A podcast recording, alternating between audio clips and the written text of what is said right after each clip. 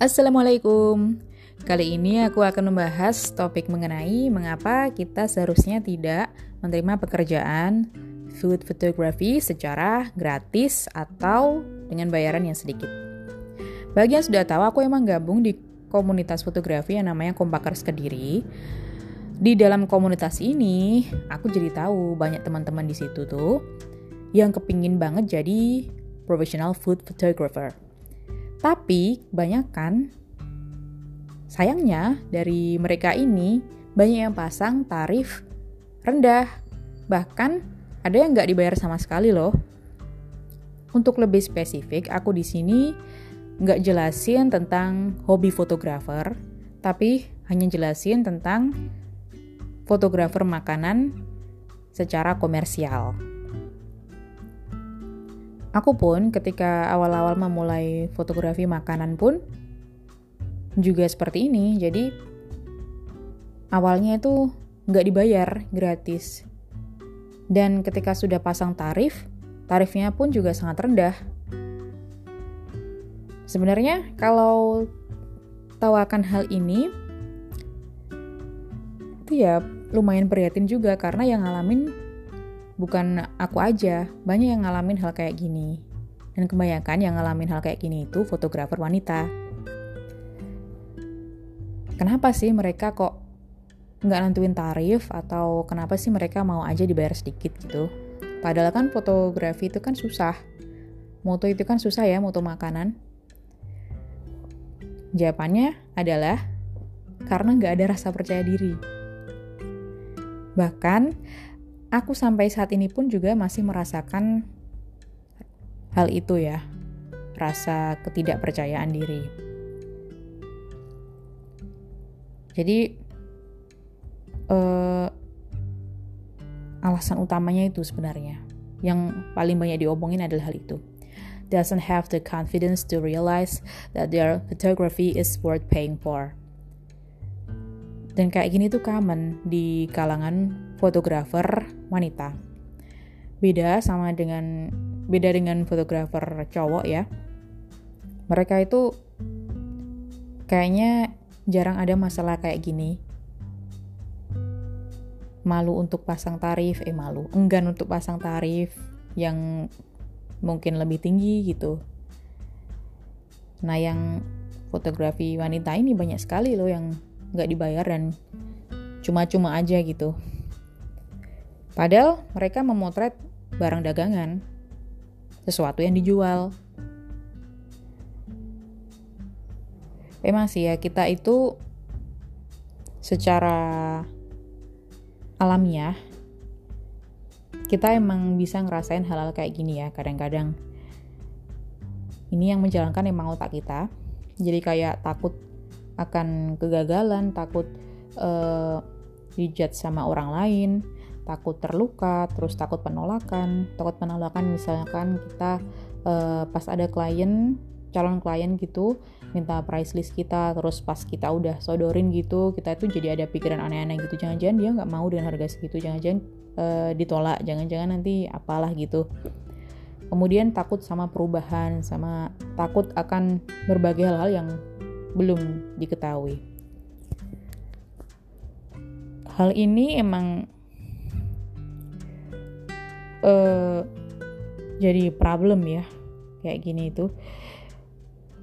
Terus sampai saat ini pun aku juga masih berusaha buat ngilangin perasaan kayak gini yang namanya limiting belief. Perasaan-perasaan yang udah takut duluan gitu padahal belum mulai gitu udah takut duluan. Udah merasa nggak pede masa foto kayak gini biar gini segini sih terus kadang ada pikiran fotoku jelek gitu.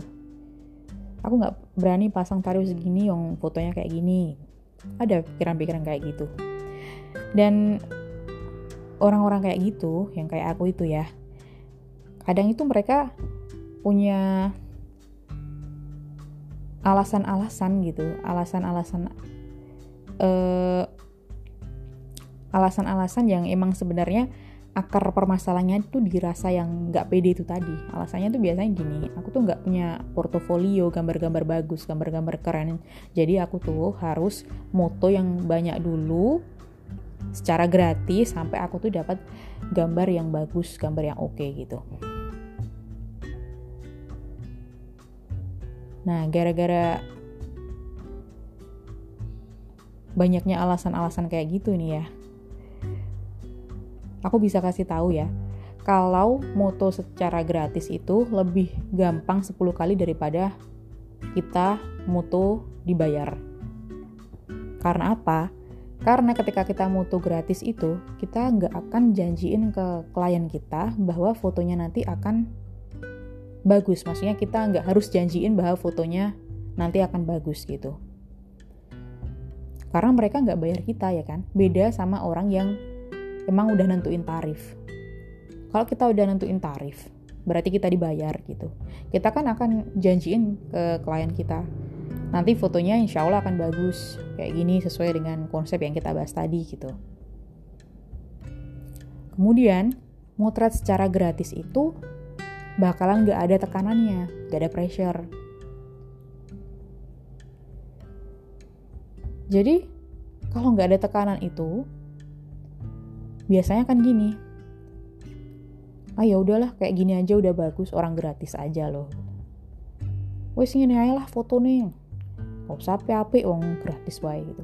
Jadi kalau kayak gitu tuh biasanya ya ini biasanya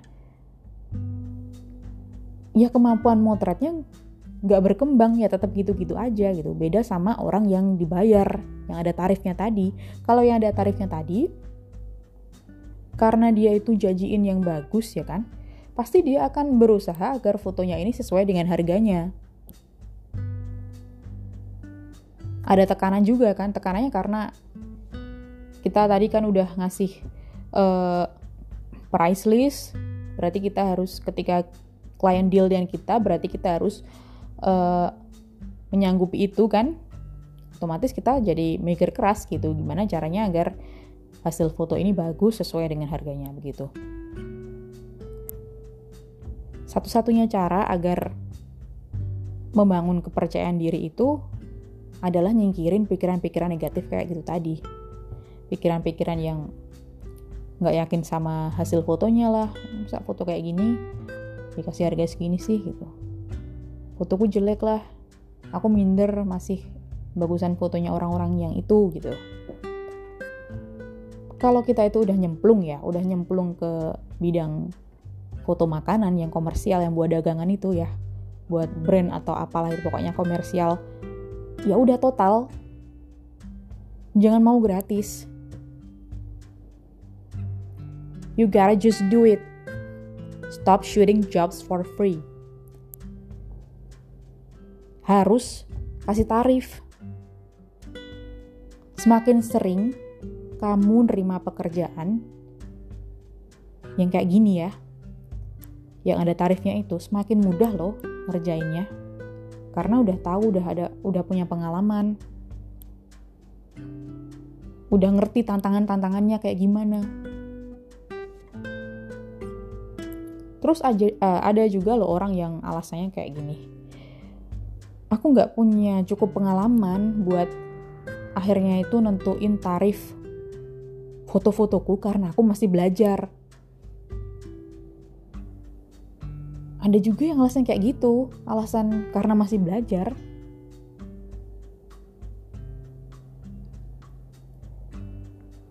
Padahal ya, walaupun aku sendiri sekarang udah masang tarif, tapi aku tetap belajar loh. Tetap masih belajar, kategori masih belajar gitu. Misalkan aja nih, kamu lagi pergi ke mau makan ke restoran yang baru atau warung yang baru, pokoknya barulah. Tapi makanan sama servisnya itu payah banget. Kita tetap bayar kan? Walaupun rasanya itu nggak enak atau servisnya itu buruk banget.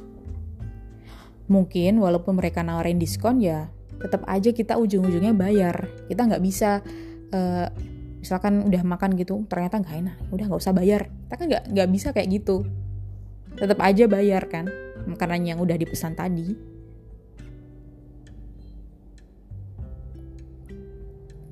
Padahal mereka ya kategorinya pun juga masih belum punya pengalaman kan karena masih baru restoran baru warung baru warteg baru. Ya ini ya sama aja kayak kita yang fotografer. Kalau kayak gitu aja mereka uh, berani tetap nagih duit ke kita padahal masakannya nggak enak gitu. Ya gimana dengan kita? Ya better lah charging something gitu. Mungkin awal-awal bisa kasih 50 ribu per foto gitu 60 ribu, 70 ribu, 80 ribu, 90 ribu, terserah 100, 150. Mungkin juga nanti bisa kalau ada satu atau dua klien yang puas gitu, bisa dinaikin lagi.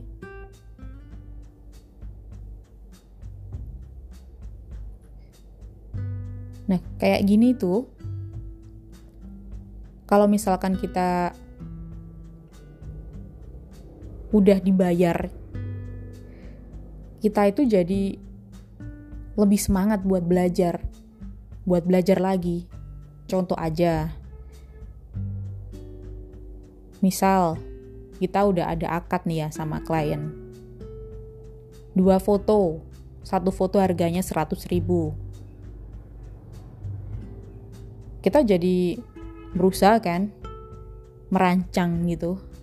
Nanti komposisinya gimana, nanti aku angle-nya kayak gimana gitu kalau kliennya mau diskusi sih boleh nanti kita diskusikan sama kliennya. Kayak gimana nanti goalnya fotonya hasil fotonya mau yang kayak gimana. Kita akan berusaha kan.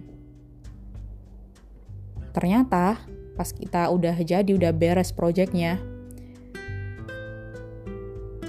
mungkin kamu merasa ada ketidakpuasan sedikit dengan hasil fotonya. Tapi si kliennya fine-fine aja gitu. Cuman kamu itu merasa ada kayaknya ada yang kurang bagus gitu. Kayaknya ini lightingnya aku kurang deh yang ini. Kamu pasti akan merasa kayak gitu soalnya eh kadang akan merasa kayak gitu soalnya dibayar. Jadi kita tuh merasa kayak ada tuntutan gitu. Aku harus bagus soalnya dibayar jadi mau nggak mau kita akan terpacu. Akhirnya kalau ada misalkan kita itu ada apa sedikit gitu ya, kita jadi uh, kita jadi lebih sensitif gitu. Oh kayaknya ini kayaknya kayak agak kurang dikit deh gitu. Ini kayaknya aku salah deh ngasih kasih props yang ini kayaknya kurang cocok gitu. Jadi ada evaluasi dan akhirnya nanti ada keinginan untuk belajar lagi. Dan orang-orang yang udah dibayar itu, yang udah ada tarifnya itu, kalau mau belajar ya lebih gampang daripada yang gratisan tadi. Soalnya kan dia udah ada uang dari hasil dia motret tadi, uangnya bisa diputerin lagi buat investasi ilmu. Mau misalkan ikut workshop lagi, ikut workshop kursus uh, yang itu lighting aja atau editing atau mau belajar tentang komposisi atau mungkin uh, uang yang tadi bisa juga ditabung, ditabung lagi buat beli gear yang baru, upgrade. Mungkin mau upgrade lensa atau mungkin kamera. Orang-orang, klien yang bayar kerjaanmu itu akan menghargai kerjaanmu, akan menghargai hasil karyamu. Beda loh, misalkan dapatnya gratis gitu. Hampir mirip kayak kita deh misalkan. Kalau kita dikasih barang gratis gitu kan kadang kita itu merasa it's not worth very much. Beda kalau kita itu dapetin barangnya itu kayak dari hasil kerja kita sendiri gitu. Kayak apa ya, mungkin lebih di eman-eman.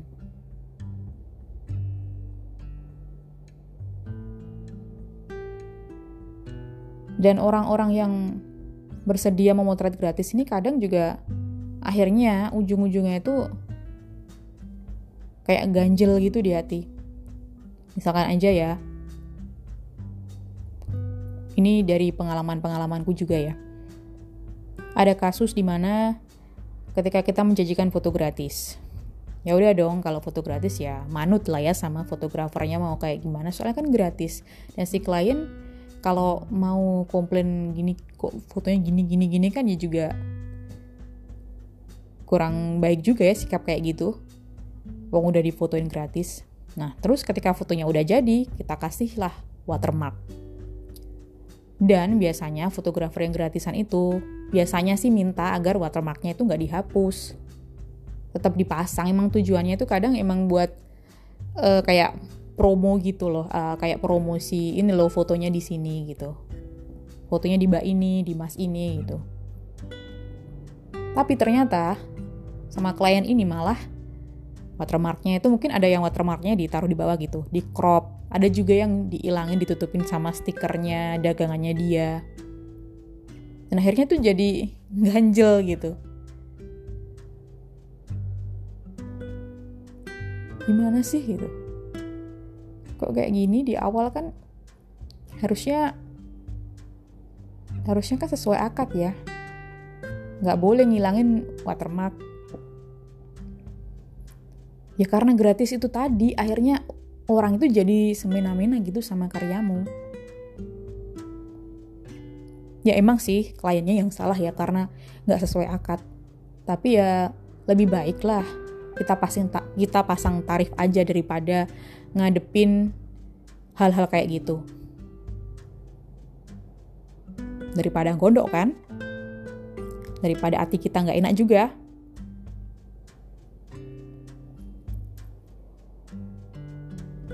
terus ada beberapa hal yang kita itu bisa ngasih foto gratis ke orang.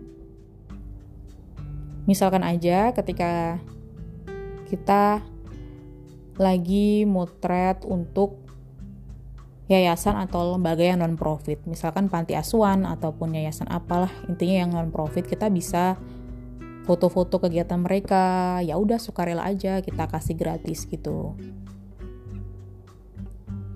itu nggak apa-apa sekalian bisa ngasah kemampuan kita kan misalkan setting kamera, belajar setting kamera lagi, nyoba-nyoba trik baru atau mungkin genre yang baru gitu. Terus bisa juga kamu ngasih foto gratis ke temen atau saudara kamu yang lagi ada usaha baru. Mungkin kamu bisa kasih satu foto gratis, dua foto gratis terserah. Atau mungkin bisa kamu kasih diskon atau mungkin bisa kasih uh, apa ya? Kayak barter gitu, tapi yang sama-sama saling menguntungkan nggak boleh berat sebelah nggak boleh yang satunya itu untungnya kebangetan yang satunya cuman ya dikasih apa? gitu. Kasih apa ya yang nggak setara gitulah nggak boleh kayak gitu. Intinya di sini adalah reward. Jadi gimana rewardnya dan gimana sih kita dan orang lain itu menghargai karya kita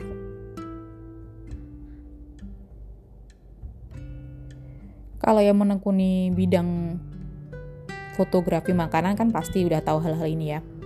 Fotografi itu kan mahal ya. Mahal juga nggak gampang. Udah peralatannya mahal, harga kamera mahal, lensa itu mahal, tripod juga mahal, kalau mau pakai artificial light itu juga mahal. Propertinya juga mahal-mahal, piring-piring semua. Belum lagi kalau pingin nambah properti palsu kayak telur palsu, es batu palsu kayak gitu. Budget lagi. Duit lagi. Terus belum lagi kita ikut workshop gitu. Pasti kan orang-orang kayak gini kan awalnya emang hobi fotografi kan penasaran sama fotografi, minat sama fotografi, akhirnya kumpulin lah propertinya, perlengkapannya, akhirnya ikutan workshop lah kan ada sekolahnya juga workshopnya itu kan? Ada workshop sekolahnya. Terus ketika kamu ngerjain foto-foto klien gitu kamu kan juga ngeluarin tenaga kamu juga mencurahkan waktumu buat kerjaan itu gitu. Kita harus hargain waktu jadi gak, gak bisa menurutku itu kalau hanya gratis gitu aja. Kamu harus pasang tarif. Apalagi untuk fotografer yang emak-emak macam kayak aku gini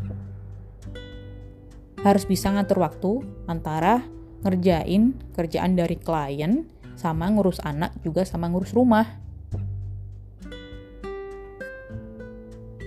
Waktu kita berharga loh kita harus hargain waktu kayak gitu. Kita apa ya rasanya itu kayak hmm, nggak fair aja gitu kalau misalkan kita udah nyurahin banyak waktu untuk motret sementara anak kita rumah kita mungkin pas itu nggak diurus dan ternyata akhirnya foto kita pun juga nggak dihargain sama klien itu rasanya gimana gitu makanya biar sama-sama puas, sama-sama seneng, mending kasih tarif sekarang juga. Jangan mau foto gratis lagi.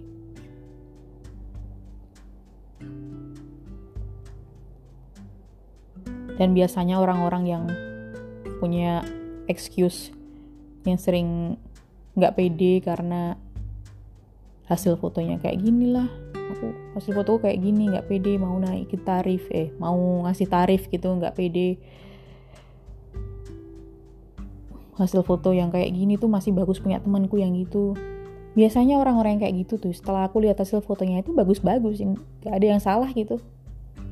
Ya bagus-bagus aja dilihat ya baik-baik aja gitu tapi mereka tetap aja nggak pede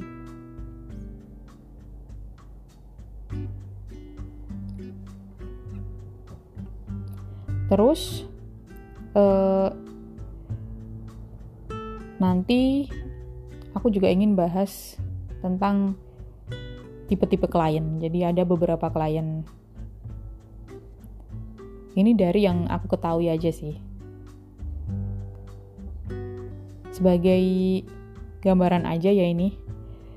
Tipe klien yang aku ketahui itu ada dua. Jadi ada klien yang ngerti tentang fotografi, food fotografi itu ngerti banget. Dia udah ngerti seluk-beluknya kayak gimana, udah ngerti nanti mau kayak apa, ada gambarannya produkku nanti mau diapain gitu. Terus nanti iklannya gimana, penyajiannya kayak gimana gitu. Udah ngerti banget lah pokoknya, itu biasanya agensi nanti yang ngurus. Jadi klien itu nanti ada bagian apa ada divisinya art director gitu nanti dia akan menghubungi agensi. Nah, agensinya ini isinya kumpulan para fotografer, food stylist kayak gitu. Mereka kayak gitu biasanya udah ngerti itu klien yang paham gitu. Tapi ada juga klien yang nggak paham sama sekali tentang food fotografi, jadi dia mikirnya itu kadang itu terima beres gitu ya. Udah aku serahin gitu, serahin serahin aja lah. Dan nggak ngerti dia nggak ada gambaran mau diapain gitu fotonya, makanannya maksudnya, makanannya mau diapain, terus ini pakai background apa pakai properti apa dia itu nggak ada nggak ada ide apa nggak ada ide apa apa nggak ada gambaran apa pun ya udah pokoknya terima beres kadang orang-orang kayak gini ya kita kita perlu jelasin lagi lebih banyak lebih dalam agar dia itu mengerti kadang orang-orang yang kayak gini kan yang apa itu akhirnya bilangnya gini nggak nggak nggak ada diskon gitu masih nawar gitu ngenyang. Masa foto kayak gini mahal sih? gitu. Masa foto kayak nambah satu gini aja bayarnya segini? gitu. Nah itu termasuk tipe-tipe klien yang nggak tahu gimana fotografi ya udah deh itu dibahas nanti aja sekian podcast dariku semoga bermanfaat. Mohon maaf apabila ada salah kata. Intinya di sini aku cuma pingin dukung teman-teman support teman-teman yang tetap ngasih gratisan ke klien dan teman-teman yang belum naikin tarifnya segera dinaikkan. Aku pun juga berada di kapal yang sama gitu. Juga pernah gratis, aku juga pernah tarif dikit banget. Dan sekarang tarifku juga udah mulai aku naikin gitu. Itu aku juga nyari motivasi dari teman-teman yang lain, terutama teman-teman di Kompakers Kediri. Jadi tadi cara satu-satunya cara adalah ngilangin pikiran-pikiran negatif itu. Kamu juga bisa minta bantuan ke teman-teman kamu satu komunitas, bagi yang punya komunitas foto, bisa minta saran gitu. Terus kamu juga boleh minta feedback ke teman-teman kamu. Tapi kalau feedback itu uh, hati-hati aja dan feedback ya. Kadang itu ada orang ketika dimintain feedback itu mungkin kata-katanya itu nggak cocok di hati kita. Jadi kita itu udah merasa defensif duluan. Tapi ada juga orang yang nggak kayak gitu. Jadi kalau mau minta feedback, lebih berhati-hati aja, siapkan hatimu terlebih dahulu. Agar mau menerima masukan-masukan yang mungkin melukai hati. uh, kritikan-kritikan maksudnya. Kritikan-kritikan, masukan juga gitu aja sih semoga teman-teman nanti uh, setelah ini bisa nentuin tarifnya atau boleh juga nanti uh, kalau masih kalau teman-teman ada yang senasib sama aku yang tadinya nggak pede terus gratis terus tarifnya dikit nanti kita bisa diskusi sharing. Aku pun juga masih banyak belajarnya. Fotoku juga ya menurutku ya gitu-gitu aja gitu. Tapi ya harus tetap belajar terus. Nggak boleh berhenti soalnya kan udah udah kadung jatuh cinta sama fotografi makanan kan jadi nggak boleh nyerah. Oke makasih teman-teman semua. Assalamualaikum warahmatullahi wabarakatuh